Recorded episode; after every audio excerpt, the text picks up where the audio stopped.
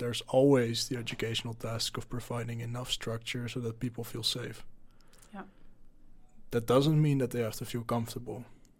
And, one of the key tasks of a regenerative teacher or, or someone trying to, to, to, to do some type of regenerative education is precisely there in creating a culture and creating um, a community that feels comfortable in engaging with uncomfortableness together.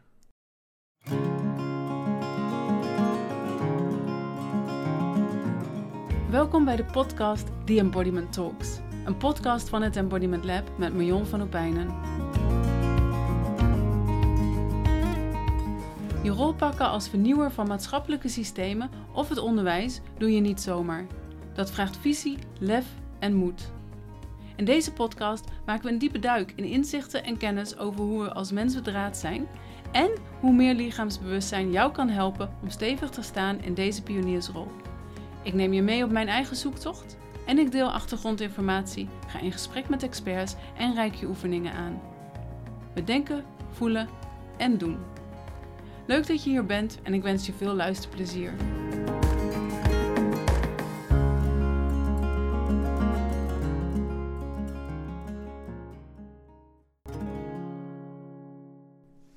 Today I'm here with Bas van den Berg, and Bas is educational coordinator of Mission Zero, Center of Expertise at the, the Hague University of Applied Sciences. And this center conducts integrated research to come with regenerative solutions for sustainable futures. And we're definitely going to talk more about that because that's quite a difficult sentence, I think, to grasp um, immediately.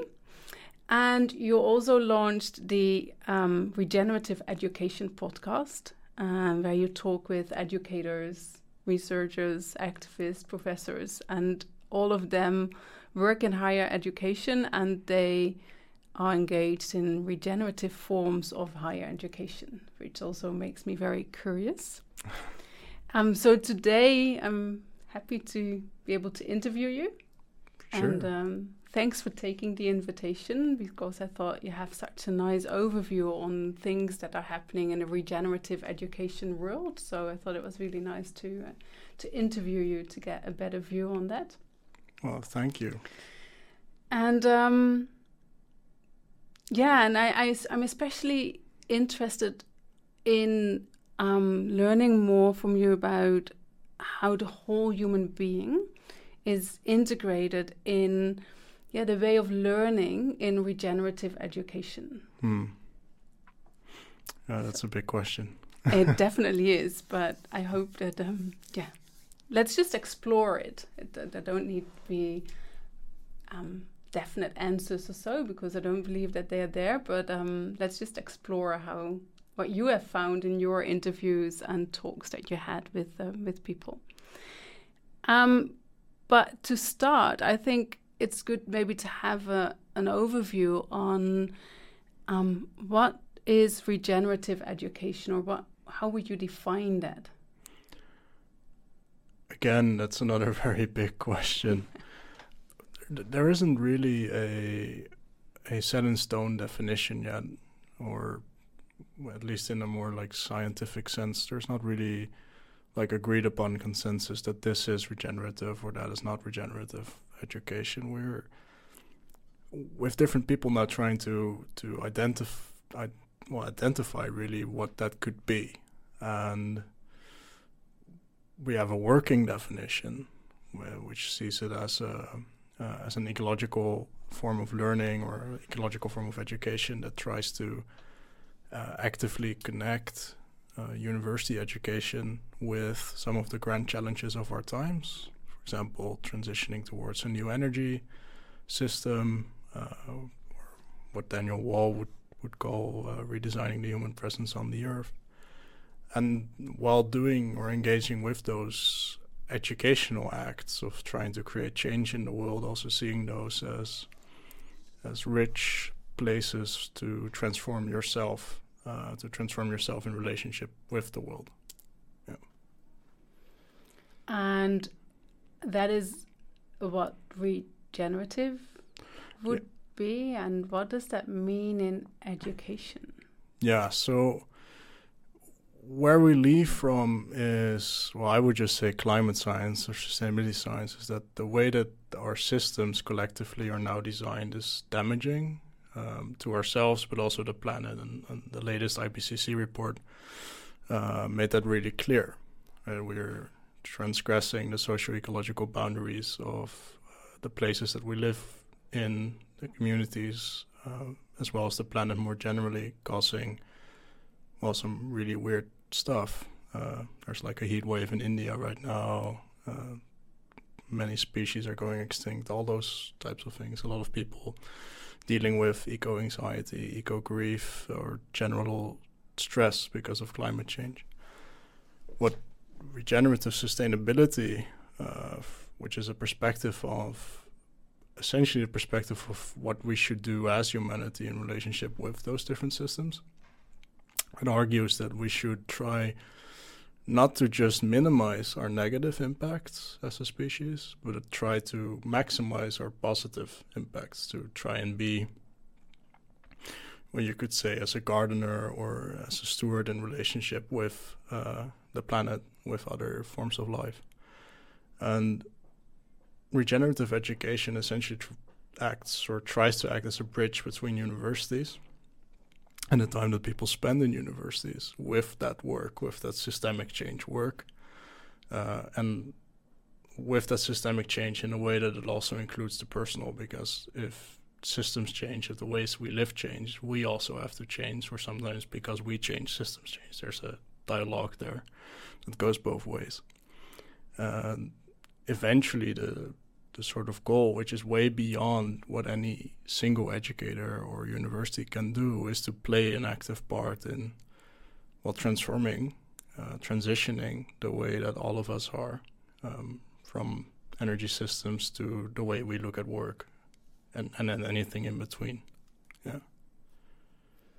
And if you say that, is that then mainly about what we learn because if you talk about the energy transition or mm-hmm. climate change and how to how to, design systems, um, it, it's all about okay, what's out there in the world and how could we possibly deal with that in another way so that mm-hmm. it, it is sustainable or yeah. regenerative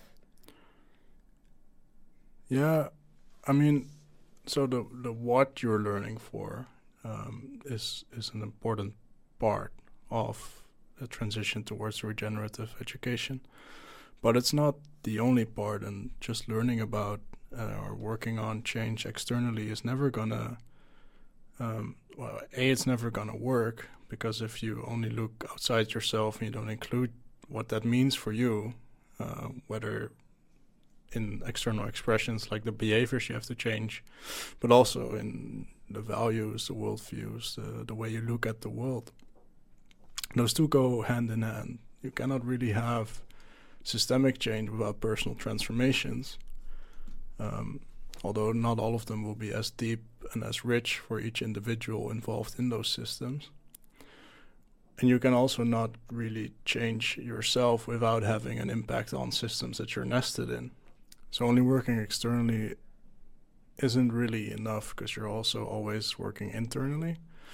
And I mean, there's different different models and perspectives that you can take with that, like an external dimension and an internal one, or a I, it, they, we uh, dimension.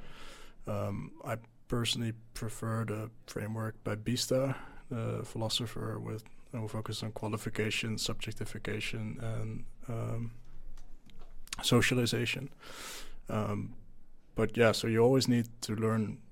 You need education consists of learning for a what, but also for a why and a how. And if any one of those is missing, then it's not really education; it's just learning. There's nothing necessarily wrong with that, um, but I think that there is a lot of wealth um, or different forms of value that you can get by embracing a more educational stance instead of only a learning stance. I like that difference that you make between education and learning, mm. and where you actually say like the broader perspective on on who we are as human beings and, and how we can learn is what we learn in education. But I think that the, our the majority of our education system is based on learning. Mm. Yeah. It's kind of filtered out that whole who am I as a person? What do I find important in education? Yeah. So we, um, and I, I, I found that in the interviews that you do as well, Mhm. as many people search for different ways of, of educating um, uh, educating students.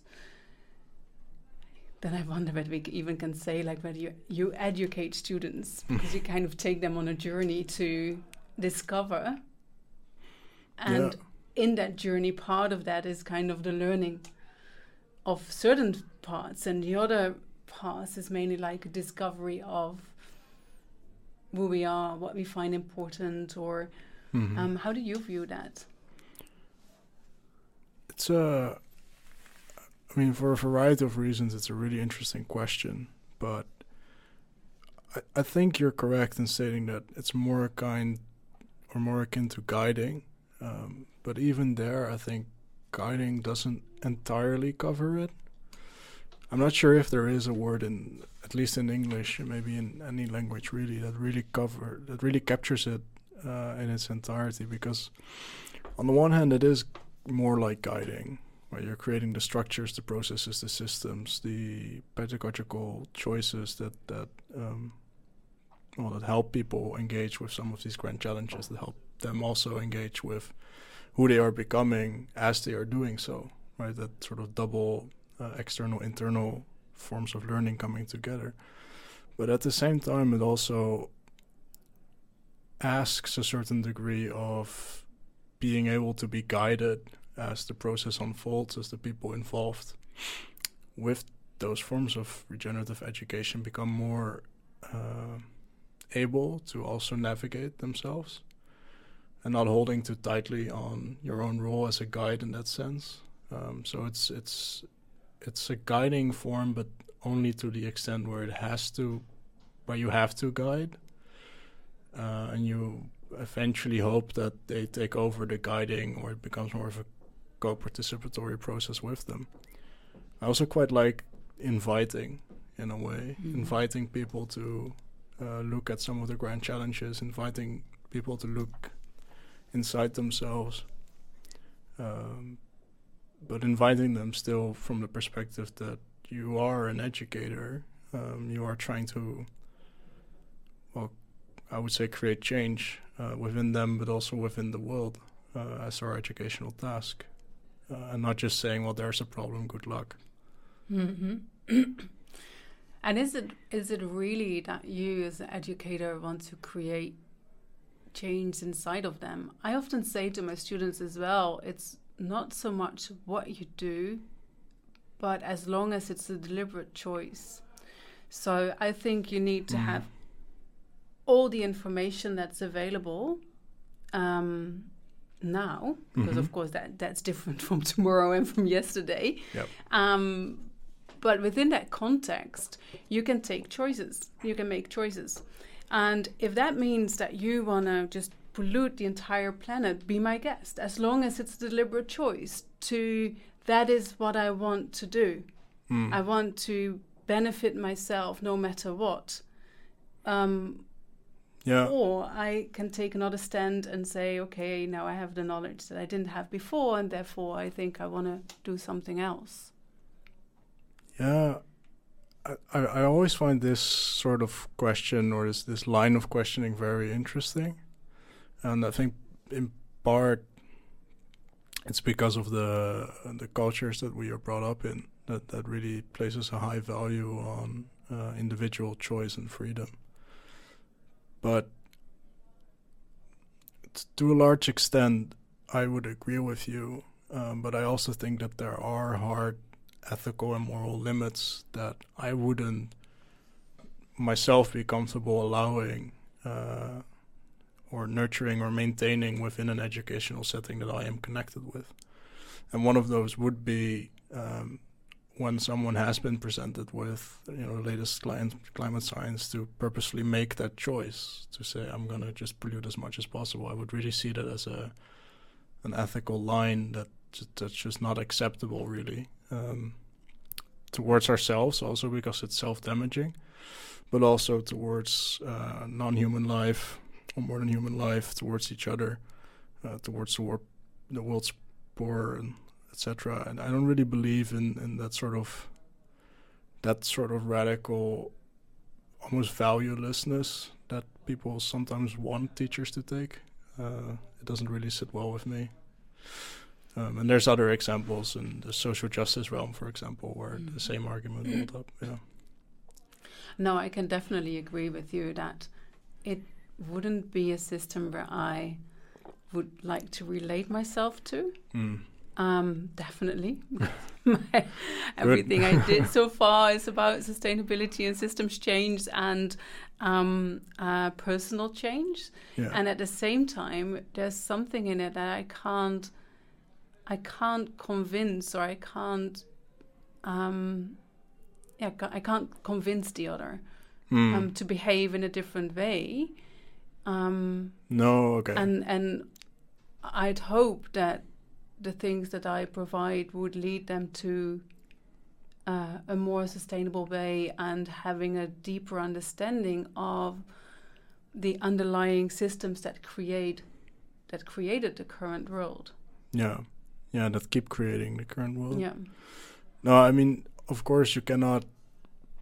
Well, you cannot reasonably force other people to change their behavior, um, but we can do our best to invite the the values and the perspectives of the things that we find important, uh, informed by science, I would say, but at least, um, for example, sustainability and social justice would be values that I would say are important. Mm.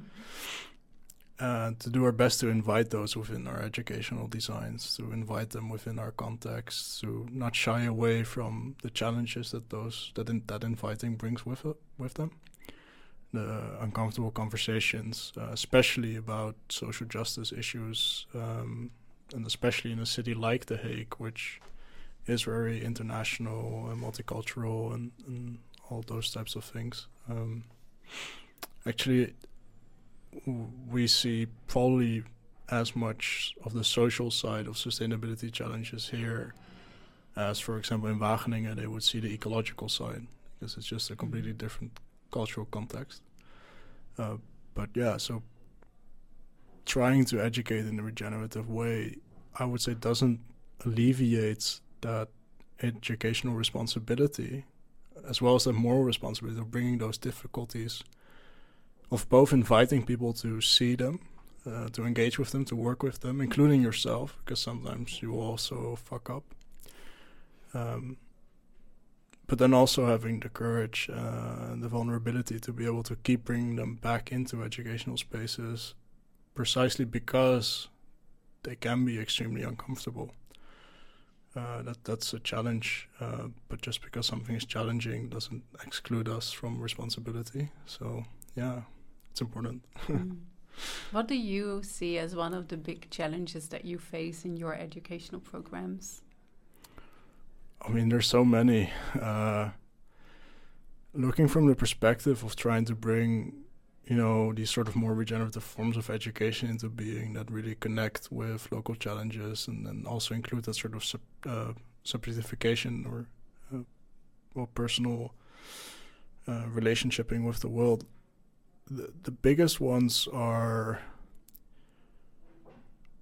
well, I would say that it depends on which system level you take. But for example, the culture in which people are educated.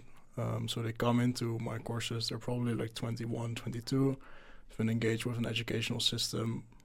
Roughly all of them have been engaged with an educational system that's quite Western, uh, very specialized.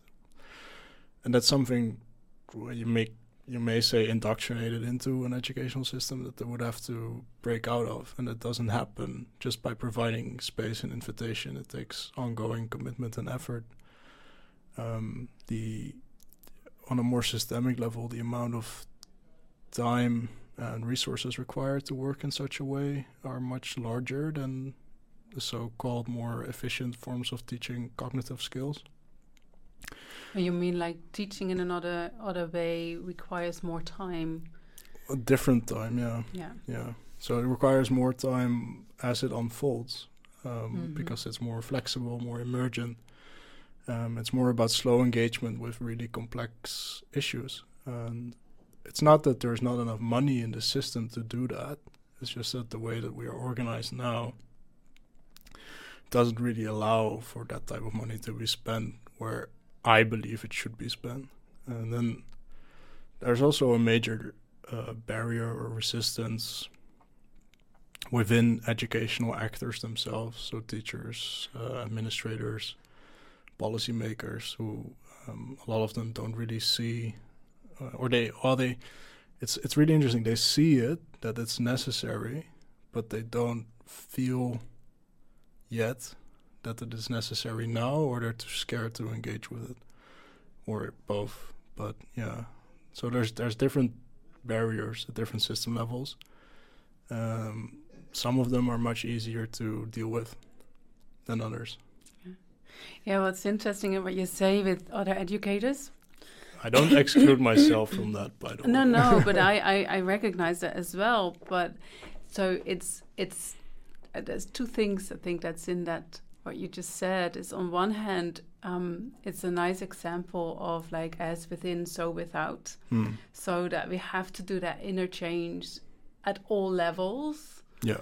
um, ourselves to be able to educate in a different way. And the other thing I think is the stepping in the not knowing and and trusting that an education program will will emerge as you go. Hmm. Um, uh, yeah, and that in that uh, because just just before you, you, you we spoke about like that it takes a little bit more time. Um, and indeed, you already corrected me. Like, is it more time or is it different time? Yeah. because just those just the structure of twice 45 minutes classes and then a break and then um, doesn't work but for example a whole afternoon where you really have time to kind of dive in material could work very well yeah. Or um, full days or something like that so it's also kind of rethinking um, the practical structures as Oh, yeah. much as as re yeah reflecting on ourselves and what we face in Absolutely. educating in a different way. Oh yeah, no, I mean, uh, well, I mean, different time, mostly from a systemic, like total amount of time and money we spend on higher education specifically. Like if we stopped with all of the bullshit that just doesn't really add much educational value tomorrow, it's not like there's not enough time. It's deliberate choices that we misspend public funds, although Mhm. people don't see it as such. So, yeah. That's a very economic view on education. It's an economic the view. balance. it's an economic view on educational management, not so much on education, I would say. Mm. Um, Yeah. Yeah. It, in the end, you know, we can, and w- with Mission Zero, we also try to move towards different economic systems, and it's always difficult, especially if you're stuck. If you're partially working in a system, but you're also working on a system, like when you're trying to educate in a different way, you always need to find a balance between how hard can I push um, specific actors and specific niches within the system without losing uh, and losing support. Because if that happens, Mhm. then you're you, you may have a really good idea, but you're not gonna create systemic change. So then, what's the value, right? Then you just have a concept. It's like really cool, right? Doesn't really make a difference.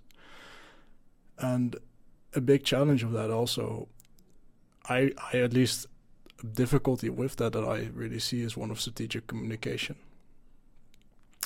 where if I'm speaking with a manager or like a program director, I'm going to use different arguments and different perspectives than if I'm speaking with a teacher. When I'm taking a systemic lens looking at an institution like TUAS or any other large university, it's not the case that there are insufficient resources to transform our educational system. It's more the case that we are incapable and we in the broader sense are incapable of perceiving the choices that we make that that are foundational to the system as both places that we can intervene but also as places that are limiting and that's much more uh, sort of collective cognitive dissonance challenge than a financial one Yeah, and it probably is also because we don't feel the consequences immediately. No, So huge delay in systems. Most Um, systems, and- yeah, Yeah. yeah, And then it's difficult to relate to the decisions that we actually have to make, um, not knowing the exact outcome. yeah. But it will bring us emotion, and from the emotion we can, you know, adjust as well. absolutely, yeah, Um, absolutely. yeah. I think we're always in motion, but just the big question is which direction we're going in. Yes, and and within the systems we've um, made many structures fixed as well, Yeah, and they're difficult to change. And the bigger it gets, the more difficult it, it's to change as well. yeah. It's it's. I'm. I'm always unsure about that, which may sound weird, but I, I can see where people where, when people say that I can see where they're coming from. Like if you look at a large organization as a system, at a sort of trend level, it doesn't look like it's doing that much. But if you zoom in, you know, almost to the, the nano level, like individual teachers or students, or even programs, like change is ongoing, right? Movement is ongoing. So it's always this all those it's it's this weird dichotomy there between almost like an inertia, but also a lot of movement. So um, it always makes me feel a bit weirded out, I guess, about systems theories and, and studies in that sense when we talk about the sort of resilience of, sy- of systems, where we always ma- we almost make it seem like they're a static thing, when they're they're not really. I mean, it may seem and feel like that. You know, I get frustrated all the time when I feel like the university isn't transforming fast enough. But the transformations never stop. They may not always be in the direction I want them to go in or the speed at which I want them to go with. But it's not like, you know, one day to the other and they're, they're not the same days, right? Even the same lecture series or workshops, the you know, from one week to the next, it's a completely different setting. We just it's very easy to forget that uh, yeah, it's just very easy to forget that uh, when it doesn't seem like transformative change has happened, that any change has happened. No, I can agree with you that it's always on the move, and um, that no day is the same as the previous or the next. And yet, I also have experienced um, how difficult it sometimes is to already go from two-hour uh, um, lectures classes to half day Oh or yeah. even a full day, um, even if it's just for that one course mm-hmm. um, because then there's panic accreditation and you know so um, and that's probably what i mean with like we've, we've also within that Ah, right. motion there's always structures that are very fixed and that Mhm. there's a lot of panic if we're gonna Yeah. do it different at least Oh, what no, i absolutely. experienced not Yeah. at all places so and it really depends but um No, I completely agree. Then and then and it really touches on two main um, resistances or barriers that, that we also identified that are quite difficult to navigate.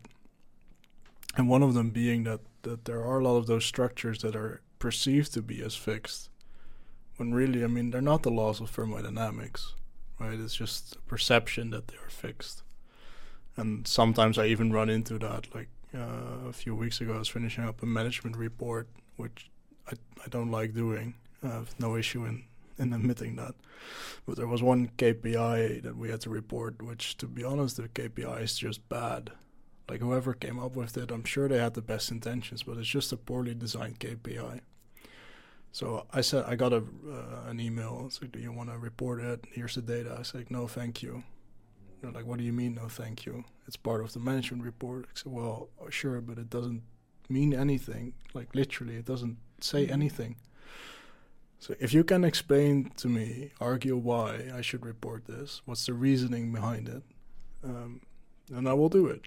Oh, they said, well, because we all agreed this year we would report this KPI. I said, that's not a good enough reason. I'm not going to do something because the system expects me to do it just because of that. Like there needs to be some type of argumentation. Um, so I didn't, right? But that's easier that's a that's a similar type of resistance, but it's easier to navigate because if I'm asking, if I'm only a teacher and I'm asking uh, to go from 45 minutes to a half day, I may not feel like I have that type of control because then you're asking to expand something instead of asking to reduce something. Um, but that sort of perceived limitation of what are the places that we can intervene within the educational system, that's a massive one. And I think underneath that is um, mostly psychological, really, is just fear. Um, fear of the unknown, like you said. I think fear of uncertainty, maybe also just fear of trust. You know, trusting that all of us are going to do our best, um, that we're professionals to some extent at least, and yeah. Yeah, and to add that, that is as well the um, how much are we allowed to fail? Mm. Like if you if you experiment with new structures, that's not going to work immediately in the way how you want it to work or ever yeah. um, or ever because then but then you have tried it and yeah. you think okay and there's the assumption attempt, there that but didn't what, work yeah and you have the assu- the assumption there that uh, where we left from is already working which is not always the case either like it's very often not the case. It's almost never Otherwise, the case, we don't really. need to change this. Bit. Well, I think yeah. it's also just human to change yeah, in general. Yeah, but true. no, but like the lecture series you were describing, we know that lectures don't really do much. Like unless you're a world quality, like that level type speaker, and even then, people are gonna forget like ninety nine percent of it. But we just keep clinging on to it, and anything else then you know has to compete with that when in reality the basis that you're comparing with is sort of kind of shit. So yeah, it's a it's mm. a really weird sort of. It, it's weird for people to be stuck in that and knowing both of those realities and then still feeling like they don't have enough space to maneuver sometimes really just not feeling instead of not having or not being able to take and other times actually also being stopped to taking it, which I think is even more tragic. But uh, yeah, yeah, it's uh, interesting. what brought you personally on this journey of regenerative education? What were those pivotal points in your life that thought mm. I want to do it different? Well, I've always um, I've always cared about uh, nature and sustainability and uh, to be honest, social justice, the social side of sustainability came much later for me. Um, I just, yeah, I don't know, was just always more about non-human life than human life, I guess. Um, but there were, I think, two things that really played a big part. One of them is that I'm originally trained as an engineer. I did some projects, you know, reducing CO2 equivalent in different industries, and I very quickly realized that technology by itself is not going to fix it because we're talking about, I think, fundamental change in, in who we are um, in relationship with the planet. And technology can have a very transformative role in that. I don't think anyone can really deny, can realistically deny that, but technology can also help uh, further destroy those relationships. So it's really about more conscious technologies. that was the the first sort of main realization or epiphany, and then later on it was a disease. I um I got a disease called ankylosing spondylitis a few years ago, which is a very fancy Latin word. Um, but uh, it's a form of uh, arthritis uh, of the spine, uh, neck, shoulders, spine mostly, hips a little bit.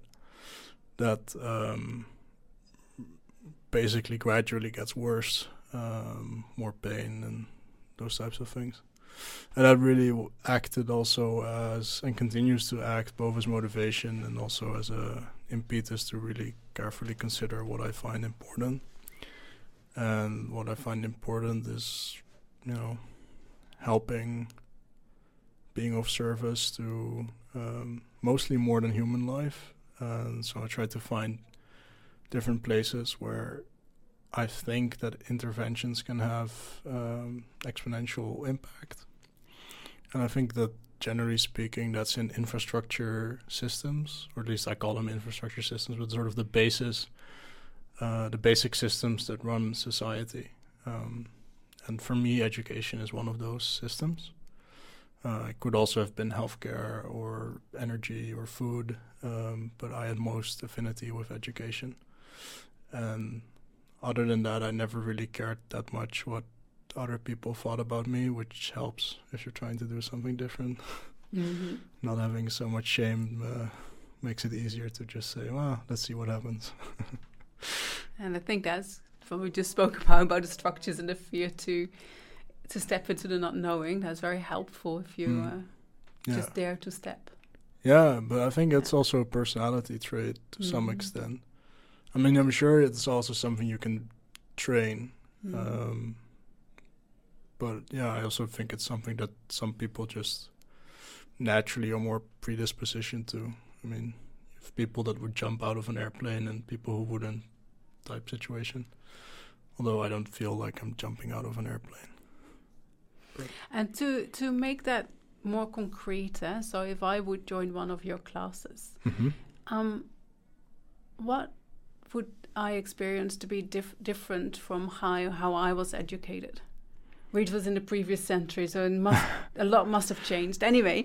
But um, uh, um, no, just like like what do you do different from more the mainstream lectures or courses, or and in it, and then to make it concrete. Mm-hmm.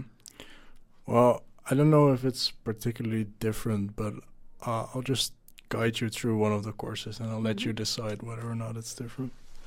Um, so our courses always start with community building. Um, I mean, of course, we, we send some information in advance about like syllabi, whatever. Mm, not really because we stick to it. Um, we don't, but mostly just because it makes people feel safer. They have a feeling that they know what they're going to do. So very often the first few days are excursions to natural places or excursions to the physical places that we're working with. Um, for example, quite close to here, you have the West Westland area where they grow the most uh, most of the food um, agro foods of the country. So we work with them a lot. So we go to different places there, talk with people, see the technologies, the systems, try and map out, you know, what are we observing, um, and then also observing in the fullest uh, multisensorial sense, uh, helping people, especially students, engage with that. Also using technology, so there's nothing wrong with using technology as instruments, just as long as they don't become devices that control you, basically. And what do you mean by multisensorial? Sensorial yeah, so education. Well, so we don't really do um, education in multi like for multisensory development. I know that's a field um, in its own right, but what I mean is we we challenge students particularly to to look. So what do you see? What do you see behind what you're seeing? What's the system behind it? What do you smell? What do you hear? What do you touch? Um, maybe what do you taste if it's safe to taste?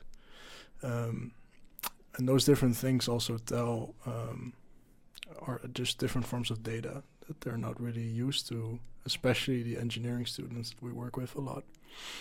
Um, and actually, just explaining to them that their own experiences and, and, reflections and observations can also be a valid form of data is already quite transformative for some of them, um, which I always find surprising and a little bit disappointing in the broader system.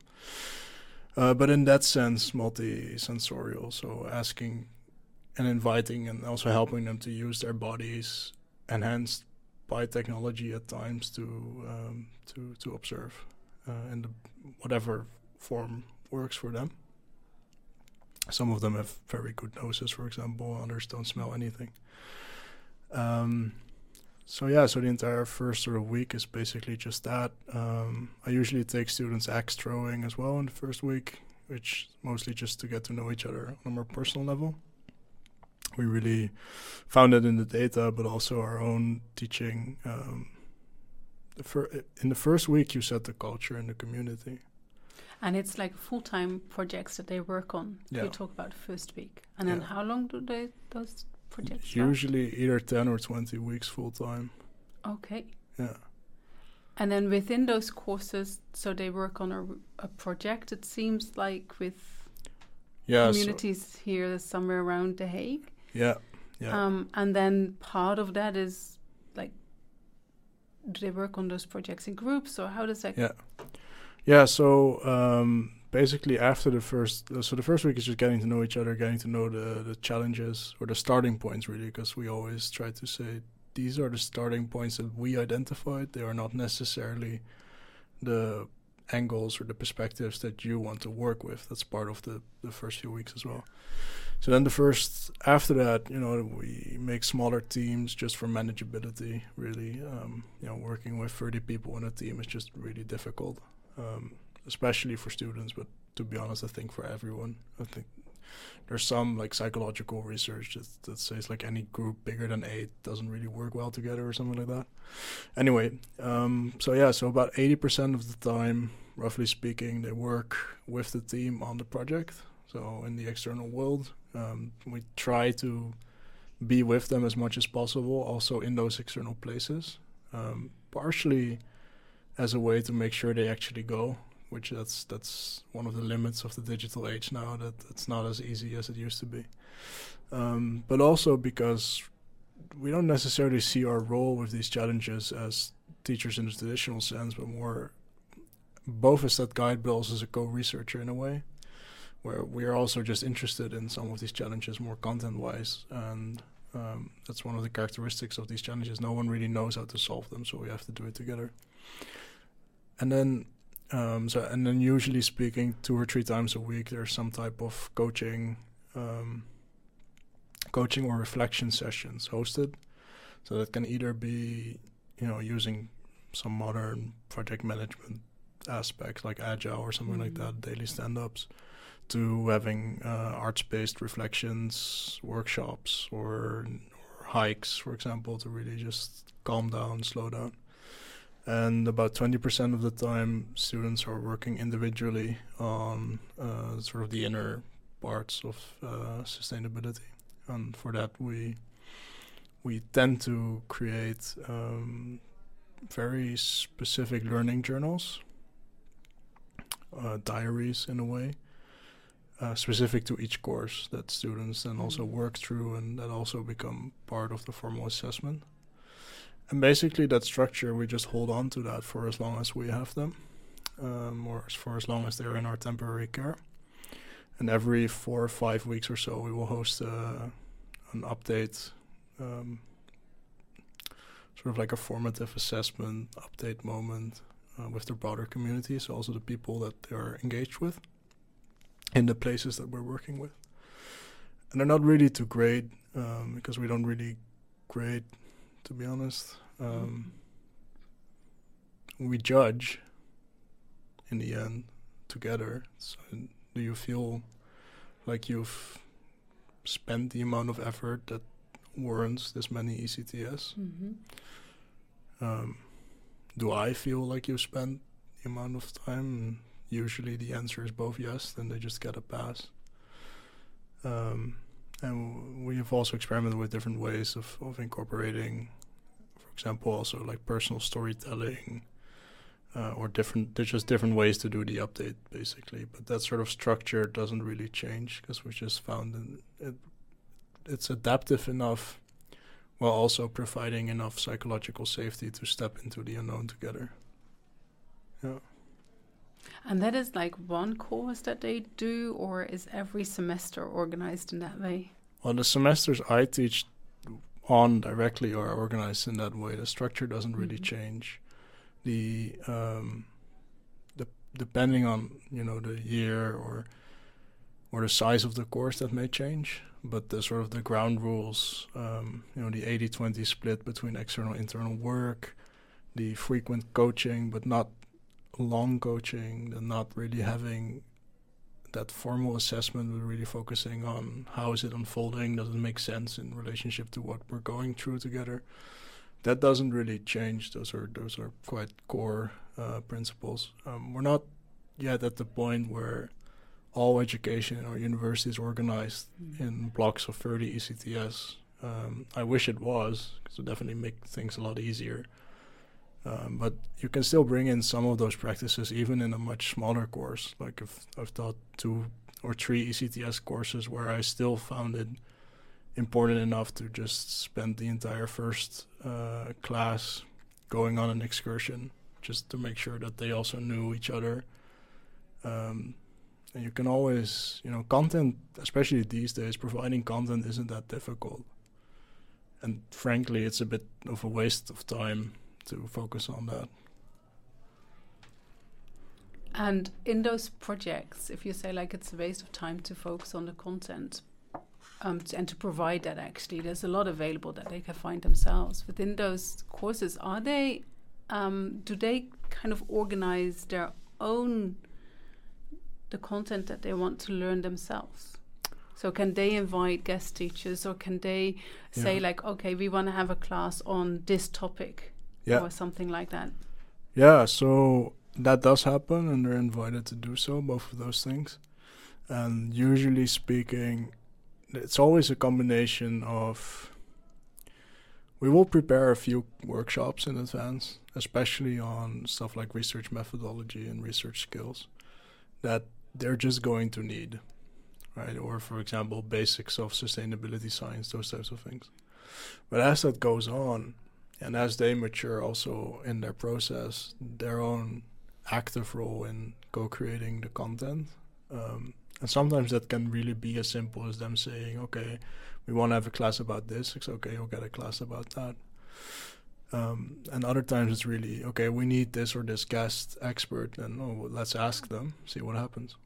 Uh, but even within that, the way that we teach is slightly different, perhaps than um, than what people are thinking about when they think about classes. So when we deal, for example, with a book, um, in in the course I was describing, our students read two full books, about uh, 600 pages or so and it's not really that much of a problem. The first few weeks, they're like, "Oh, I don't like reading," but you know, tough luck. That's just yeah. part of education. But we ask them, for example, to read two chapters to prepare for something. Then I'm not gonna come in and just repeat those two chapters or or or move discuss the third chapter or something like that. I'm going to directly ask them, okay, what are questions that you've that, mm-hmm. that were raised with you by reading that? What was unclear, or what do you learn to discuss more? And that forms the basis then for designing that content in the moment. So we don't come with, or we very rarely come with slides or anything like that. You know, if we tell them to read, you know, Introduction to Creative Research, we will also read Introduction to Creative Research. Even mm-hmm. if it's three years later, I will read it again and again mm-hmm. and again because I want to be present and I want to be able to engage with them in understanding our collective or in increasing our collective understanding based on what's needed at that moment and not based on what I Recall predicted three years ago. Yeah, yeah, or what I predicted they would yeah. need. Um, so yeah we do have teaching hours, but it's more engaging in, in collective dialogue or highlighting our collective um, gaps in our knowledge and using that then for example say okay well next week um, you and you prepare something about you know this gap. I'll prepare something about that gap. Let's see where we end up. Mm. you don't always have the time to be able to say well let's do it tomorrow. Um, it would be nice if you always did but yeah. Mm. Yeah, so what I like in what you say is that on um, one hand, what I hear, I put it in my own words, but you are as much a student as they are, and you are as much a teacher, maybe, as they are as well, in yeah. different ways. Um, trying to be. Trying to be, yeah. Yeah. yeah. Yeah, there's also still, and this is one of those places where there's a huge tension between um, ideology, you know, of that sort of regenerative sustainability and really trying to do to to be equals in that type of learning process, and also uh, experiential and uh, educational reality, where sometimes you do have to be able to say, okay, this isn't going in Mhm. a uh, direction that's conducive for the type of learning that we're trying to do. And then to step back into that sort of more author- authoritarian role when it's needed. Um, and also being honest about that, uh, open about that, which isn't always as easy, and especially not as. Um, it's especially not easy if you are trying to be in that more open role and then having to step back into that more strict role and then letting that go again to go back and it, it creates Mhm. a y- there's still the power dynamic that's fundamental that's that doesn't go away um, And you're still giving them that pass as well. So in the end, there is a dynamic that yeah that is never fully equal. no and sense. and i can ask them to give us a grade too Mm-hmm. uh, we do sometimes but it's not formalized with the same amount of power if they give me a non-passing grade as a teacher it doesn't really impact my life No. if I give them a non-passing grade, they have to redo an entire semester. So you can never get rid of, or you could even question if you want to get rid of that difference because it's also one of the ingredients that allows some of the less fun but important parts of education to be educational. For example, you have to read this book. But I don't like readings, it doesn't matter it's part of your development. Yeah, and even if you talk at a more, if you, you look at more like how communities work, even there, you know, you you you talk to each other like, hey, are you contributing that much to Yeah. the community as you want yourself, or that serves the community? Hmm. Um, uh, so if you work with them for half a year, um, there's many opportunities to kind of already have that conversation. So, um, so I think there's a real power dynamic. And there, there is, obviously, Mhm. um, but you kind of use it if you would say in the end, like, okay, now you get a feel, and I never talked to you before. yeah, Um, but you, if you try to coach students and um, uh, yeah, you take them along on their own journey and you guide them, and then yeah, at one point you may have to set a boundary. yeah, absolutely. Well, you're continuously setting boundaries. You're just not doing it maybe as overtly or as harshly as in Mm. more traditional forms of learning, where you say, "This is what you have to learn. This is the test." Like that's that's not the case. But completely having no boundaries, um, even going as far as to say, "Well, we're first going to co-identify a challenge," for example. That may work for a very small subset of people, um, but for the majority of students, I think the majority of humans really, that is so open to the degree that it becomes uneducational. So there's always this this tension as an educator, especially if you're trying to, to do this sort of walk the line between um, participating in, in active regeneration of systems and being part of an existing system that asks certain choices Mhm. that you that you find an ongoing and, and keep renegotiating what that balance is. Um, but there's always the educational task of providing enough structure so that people feel safe. Yeah. That doesn't mean that they have to feel comfortable. And I think that's a really important distinction.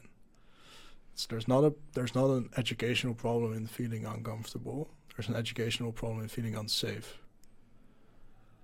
Yeah, but yeah, you've if it's real safe, you can also bear the uncom being feeling uncomfortable. Absolutely. If it's not safe, you can't be with the discomfort. No, absolutely. And, and one of the key tasks of a regenerative teacher or, or someone trying to, to, to, to do some type of regenerative education is precisely there in creating a culture and creating um, a community that feels comfortable in engaging with uncomfortableness together. Yeah. Yeah. And also there, it's you need to lead in the sense that um, if you can't bear the discomfort, you will never be able to take others Yeah. um, to feel um, uncomfortable as well. Yeah, because it's not genuine. Yeah. Yeah. No, absolutely. You need um, you need a certain degree of vulnerability. Um, probably more than the students that are in your course, Yeah. and have the courage to be able to uh, to bring that into your education, even uh, or in my case into my education, but also my work on the educational system, even when it's not appreciated um, or welcomed, even uh, by the culture, the larger culture of the university or the school um, that you're part of. Yeah, Yeah, and it's even our human nature, how we are hardwired, is even to search for safety and comfort. So to expect from from other uh, from the students kind of to um, to contain that themselves, it's something that we need to learn, absolutely. and that's part that's that's part of the role of an educator. Um, to hold space for people to learn to be in that discomfort. yeah, to hold and- space and yeah. to actively invite them into it. Yeah. Yeah, absolutely, definitely, definitely. Great. Um, just to as a, as a final question, probably, um, because now we've spoken a lot about your own um, Mm-hmm. educational practice, Yeah. and you also have the uh, regenerative education podcast. Mm-hmm. And I was, I was wondering, like, what is like a center of, of gravity? What's like a shared view on that regenerative education and how to um, change education? Like what we've just spoken Mm. about, like how you kind of set up a course in a completely different way. Um, Yeah. and do you see, yeah, general practices in that, in a sort that it goes into a certain direction, or is it do they all do their own thing, or Well, I mean, it's part of the regenerative sort of paradigm to acknowledge uh, local biocultural diversity. What we did find uh, are a set of design practices that are practiced in very different ways or that are expressed in very different ways depending on the context, but that tend to be expressed by any by everyone. Um, we found seven, uh, seven of them. And the first uh, and the major one was was putting uh, a tackling an urgent and relevant transition challenge uh, at the core. And the second one was cultivating personal transformation. So those two elements or those two practices emerged basically across the different perspectives. Now again, the way that they were expressed is very different. Um, the balance between those two was also different. Um, but so yes, there are some fundamental, um, or there seems to be some fundamental practices, but the combinations through which they can be expressed are enormous. Are based on the local context, are based on um, on the individuals involved, to the individual levels who are involved with with practicing those practices. What I realized after three years or so of, of studying all of this with the podcast, but also in other contexts, is that when I started, I was really, when I started, I was really focused on the external transition side. I mean, from the beginning, there's always been an individual inner dimension part, also relational. So from the beginning, there's always been also an uh, an inner dimension, but my focus has always been on connecting externally with the grand challenges, um, partially because of the urgency that we have to tackle them. And it sounds like common sense now, but it took me like three years of full time research to discover this. Um, so I hope that others can feel and can see that a lot faster. But the system, the the educational system that we are now operating in, doesn't really allow connecting for the amount of time and depth that's required to see transitions through, if transitions ever really finish. Because then you're talking about decadal, um, or at least multi year developments.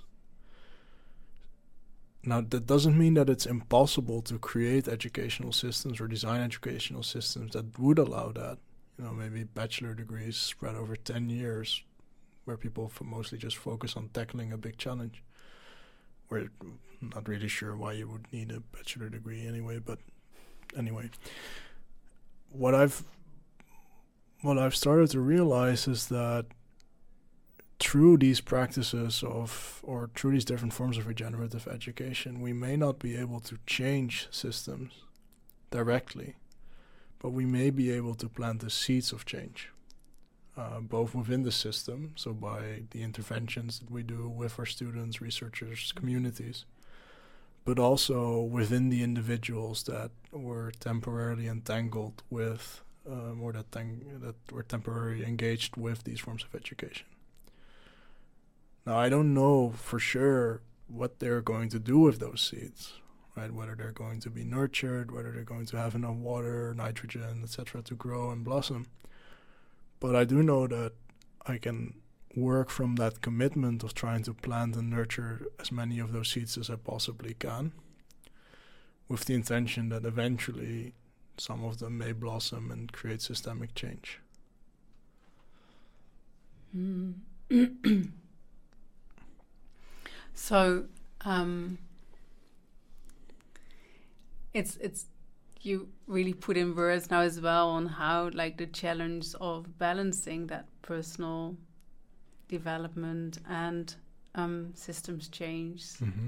within an existing system. Yeah. Um, and what I, I to raise that question, and that's also a systemic question. Why is a bachelor three years? if or we talk about case, yeah. sorry or four in or our four case, but yeah, yeah, but uh, when we talk about um, lifelong learning and so on and um, and and we're still in that paradigm like okay i do high school and i go to to to a university of applied science or university and i get my bachelor and then mm-hmm. i go and do my master and then i'm prepared for what yeah um well, it's extremely arbitrary yeah. So it's, it's in, interesting to think that through. If we really want to follow transitions which take a long time, um, what does that mean for how we set up those um, courses? Or is it every time another group of students that kind of does part of the transition um, as as then the, the, the educators are like the um, follow it through. Yeah. But then again, you get that power dynamic that we spoke about before, mm-hmm. because then there is like a, a, a starting point yeah. where you first have to get the students to. Absolutely. Um, uh, before you can then move on. Yeah. So interesting questions, no answers. No. Not yet. No. Well, um, answers. There are possible answers, but they require redesign of educational fundamentals, yeah. almost stuff that we hold sacred. Um, yeah. Which I mean, I'm all for, but they're they're definitely not the easiest. They're not as easy as creating a new course and hiding it from the exam board. That's not that difficult. No, yeah, and that also comes back to um, what we spoke about before. Like we're always in motion, but it goes very slow, and those kind yeah. of big changes are um, much more difficult to to really make. Yeah, Great. Need some patience. yeah, I think this was a very nice insight in in like the whole conversation we had in regenerative education. Um, your view on that, um, some practical examples on how you do that. Um, there's many more practical examples to find, be found in your podcast. Um, I will put a link in the show notes. yeah. Thank and, you. And um, uh, is there anything that's remained unsaid that you still want to say? Well, I, think doing this entire, you know, research with the podcast and the other studies, on the one hand, it's been frustrating in the sense, like you, like the, the dichotomy you just highlighted as well, the slowness of some parts of the system, At the other hand, having been able to see so many innovative educators, you know, trying new stuff, doing new things, that's a tremendous source of hope. So Mm. even though it may look sometimes that the educational systems aren't moving or they're moving very slowly, I think if we know where to look, uh, where to point our antennas, the signs of systemic change are already there. And well, that fills me with hope. Great. That's a beautiful sentence, I think, to close this podcast, this um, episode with. Thank you, Bas, for having this conversation. And Mm. I think it was very rich with a lot of information. And um, yeah. Thank you. Thank you.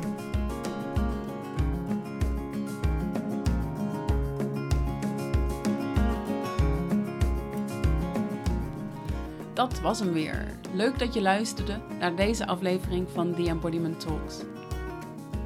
Ik zou het leuk vinden als je me laat weten wat je ervan vond of welke inzichten je eruit, hebt gehaald. Mail me op marion.embodimentlab.nl Dit mailadres kun je ook gebruiken om met me in contact te komen. Of als je me een onderwerp of vraag wilt sturen, zodat ik daar in een van mijn volgende afleveringen dieper op in kan gaan. Wil je op de hoogte gehouden worden van nieuwe afleveringen? Abonneer je dan op deze podcast. Of ken je iemand voor wie deze podcast ook interessant is? Twijfel niet en stuur een link door. En vergeet ook niet deze podcast te liken of een comment achter te laten als dat in jouw podcast-app kan. Meer informatie over mijn werk vind je op mijn website embodimentlab.nl. Korte filmpjes over relevante onderwerpen post ik op mijn YouTube-kanaal Embodiment Lab. Dankjewel voor het luisteren en graag tot een volgende keer.